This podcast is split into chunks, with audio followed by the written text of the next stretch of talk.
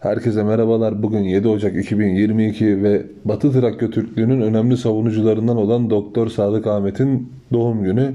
Bugün hem Doktor Sadık Ahmet'in doğum günü olması hem de Türk toplumunun kurmuş olduğu ilk cumhuriyet olması sebebiyle önce Batı Trakya Türk Cumhuriyeti'nden bahsedeceğiz. Sonra da Doktor Sadık Ahmet'ten bahsedeceğiz. Hazırsanız Batı Trakya Türk Cumhuriyeti ile başlıyoruz. Her zaman yaptığımız gibi yine geçmiş konuşarak başlayalım programa. Şimdi malumunuz olacağı üzere 1. Balkan Savaşı Yunanistan, Bulgaristan, Sırbistan, Karadağ ile Osmanlı Devleti arasında yaşanmış bir savaş. Bu savaşın ardından Osmanlı Balkanlardaki topraklarının birçoğunu hemen hemen tamamını neredeyse kaybetmişti. Batı Trakya bölgesi, Edirne, Kırklareli gibi nüfusun büyük çoğunluğunun Türklerden oluştuğu bölgeler, şehirlerde Bulgaristan'ın eline geçmiş oldu. Bu savaş sonrasında ee, yanlış hatırlamıyorsam 30 Mayıs 1913 tarihiydi.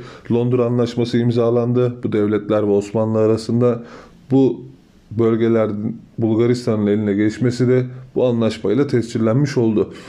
Şimdi savaş sonunda tabiri caizse pastadan en büyük payı Bulgaristan almıştı. Bulgaristan'ın böyle büyük bir pay almış olması da diğer ülkeleri açıkçası memnun etmedi.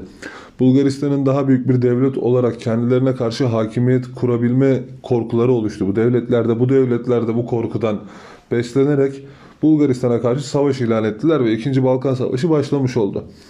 Balkan devletleri arasındaki ittifakın bozulması Osmanlı Devleti yöneticilerinde kaybettikleri toprakları geri alma isteğini uyandırdı. Edirne, Kırklareli ve Batı Trakya için bir umut doğmuştu Osmanlı Devleti yöneticilerinde, Osmanlı hükümetinde. Bulgaristan'ın da farklı cephelerde e, farklı cephelerle savaşmak zorunda kalmış olması Trakya'daki bölge, Trakya bölgesinde bulunan askerlerini o cephelere çekmesine neden oldu. Bu da Enver Paşa için çok çok büyük bir fırsat sağladı. Enver Paşa bunun üzerine harekete geçti ve 23 Temmuz 1913 yılında Edirne ile Kırklareli Bulgar işgalinden kurtarıldı.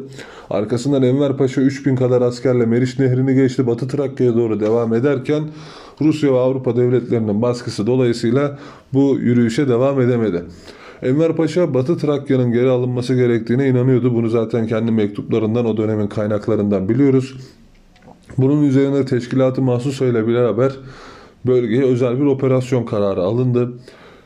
İşte Kuşçubaşı Eşref 16 subayın olduğu ve 100 erden yaklaşık 100 erdi yanlış hatırlamıyorsam yani 117, 117, 120 kadar kişiden oluşan bir ekiple, askeri ekiple bölgeye hareket etti Kuşçubaşı Eşref Bey. Birlik ilk önce Bulgarların elinde yakın bölgelerdeki yakın bölgeleri ele geçirmeye başladı. Süleyman Askeri Bey de askerleriyle birlikte bu mücadeleye katıldı. Bunu da söyleyelim.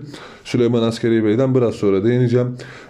31 ee, Ağustos günü ilk önce Gübülcine, 1 Eylül'de ise İskece işgalden kurtarıldı ve bir Batı Trakya hükümeti kuruldu.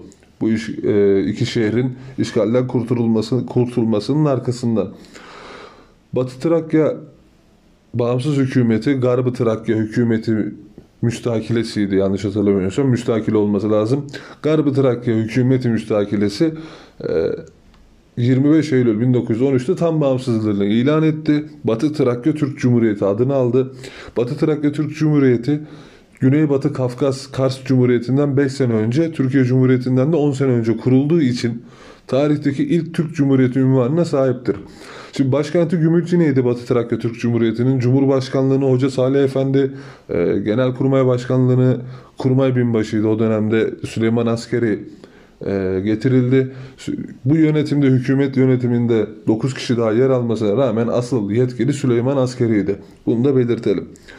Gelişmeleri yakından takip eden Yunanistan e, bölgede Bulgaristan ve Osmanlı'nın yakınlaşmasını engellemek için 2 Ekim 1913 yılında Batı Trakya Türk Cumhuriyeti'ni tanıdı ve üstüne Dede Ağacı verdi. Dede Ağacı da Batı Trakya Türk Cumhuriyeti'ne teslim etti. Sofya yönetimi, Bulgar yönetimi de Batı Trakya Türk Cumhuriyeti'ni tanıyarak Yunanistan'a bir cevap vermek hem de Osmanlı ile ilişkilerini iyileştirmek adına bir harekete girişti. Sırbistan, Karadağ, Avusturya, Macaristan, Arnavutluk ve İtalya devletleri de kurulmuş olan bu devleti tanıdı. Ee, şunu da belirtelim Osmanlı Devleti Batı Trakya Türk Cumhuriyeti'ni tanımamıştır.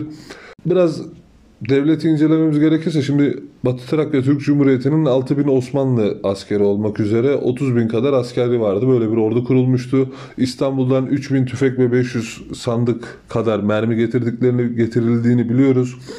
Ekim ayında aynı yılın Ekim ayında devlet bütçesi hazırlandı. İşte gümrük kapıları kuruldu. Pasaport uygulamasına geçildi. Ee, bağımsızlığın bir nişanesi olarak da Cumhuriyet pulları basıldı. Bu pulların basılmasının ardından bölgede kullanılan, ülkede kullanılan Yunan ve Bulgar posta pulları da tedavülden kaldırıldı.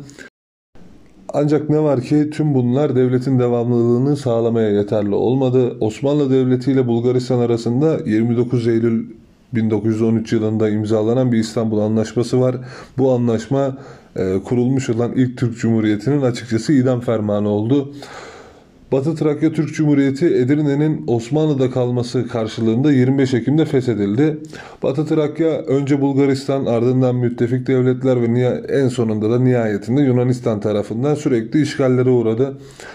Bu olayların Balkanlarda Osmanlı İmparatorluğu'na yaşattığı gerileme ve gerilemenin beraberinde getirdiği göçlerden sonra bölgede kaybedilen topraklarda kalan Türkler yeni sorunlarla karşılaş, karşı karşıya kaldılar.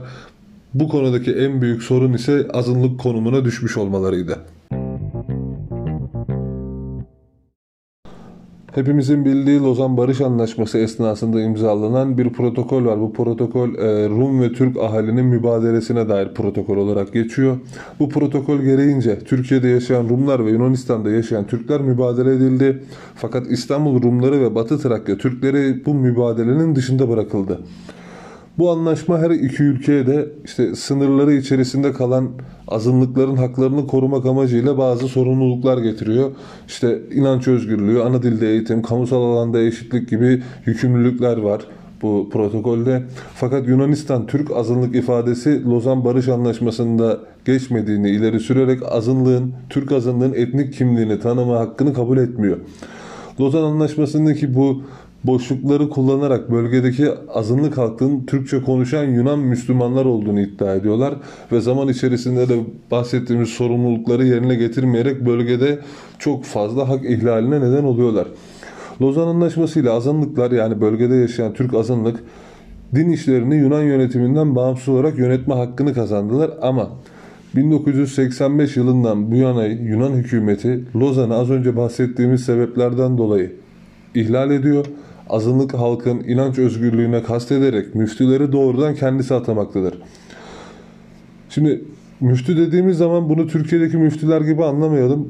Türkiye'deki müftülerden çok daha farklı bir e, görevlere sahip, göreve sahip buradaki müftüler. Bu bölgedeki müftüler aday listesinden Müslüman azınlık tarafından seçiliyor. Türkler tarafından seçildikten sonra öğretim, işte din görevlilerini denetlemek, öğretmenleri denetlemek, ee, Müslümanlar arasında evlenme, boşanma, nafaka, e, vesayet ve miras gibi konularda böyle çok geniş, çok büyük yönetsel ve yargısal yetkilere sahip kişiler.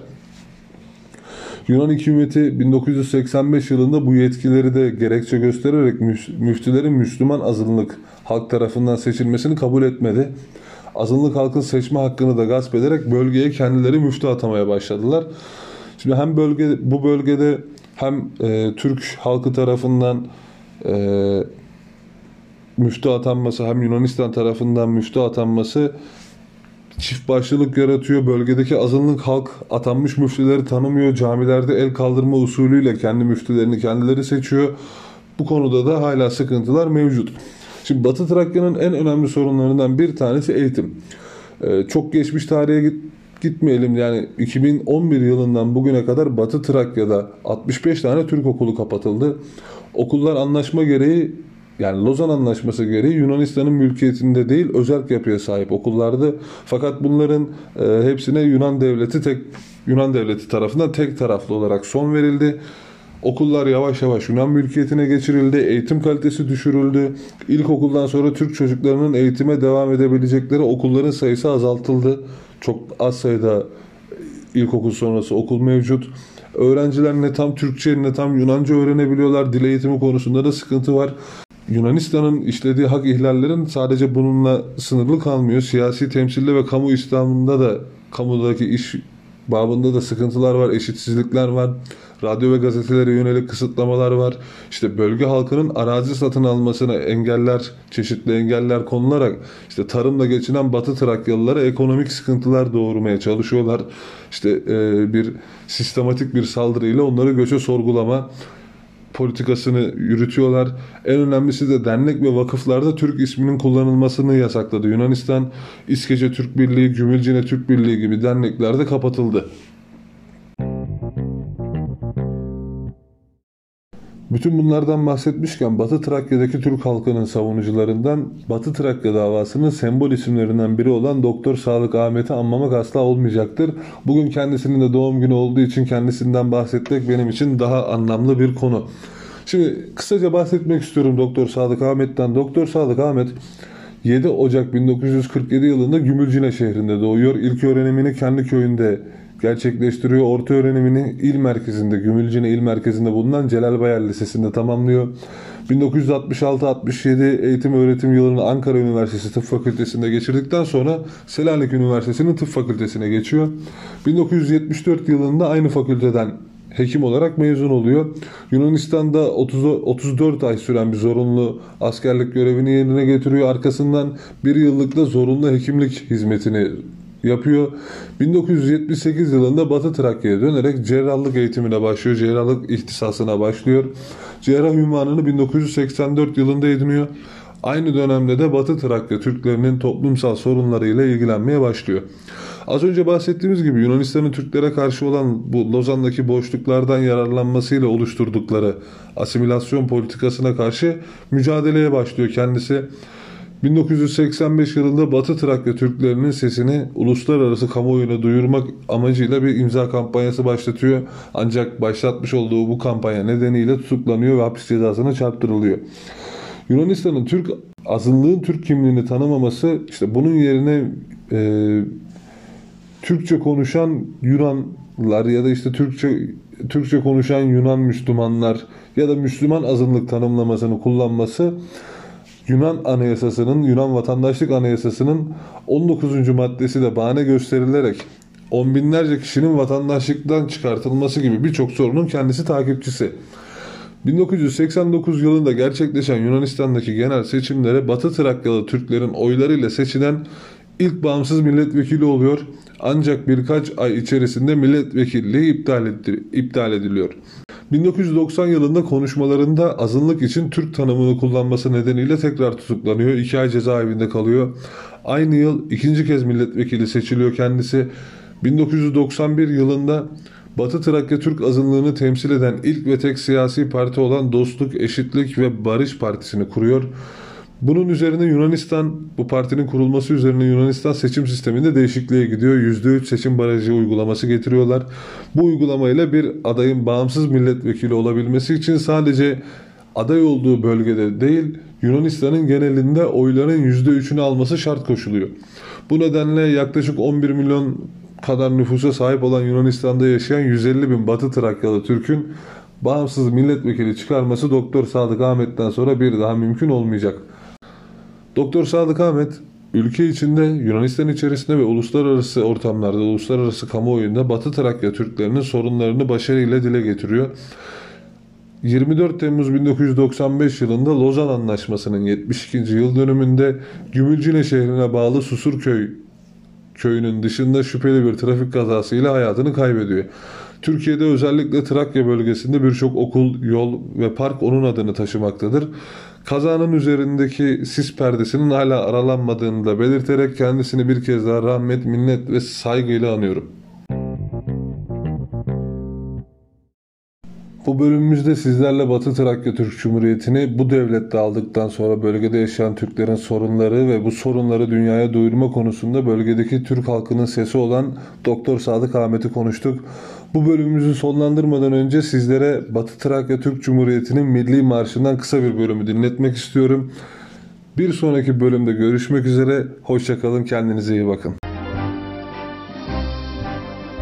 Bastığın şu yerler senin Şanlı şehitlerle dolu Düşmanlar taciz edemez Yüce kahramanların ruhunu şanlı kahraman şehitlerim sarılmış kurtuluş bayrağına.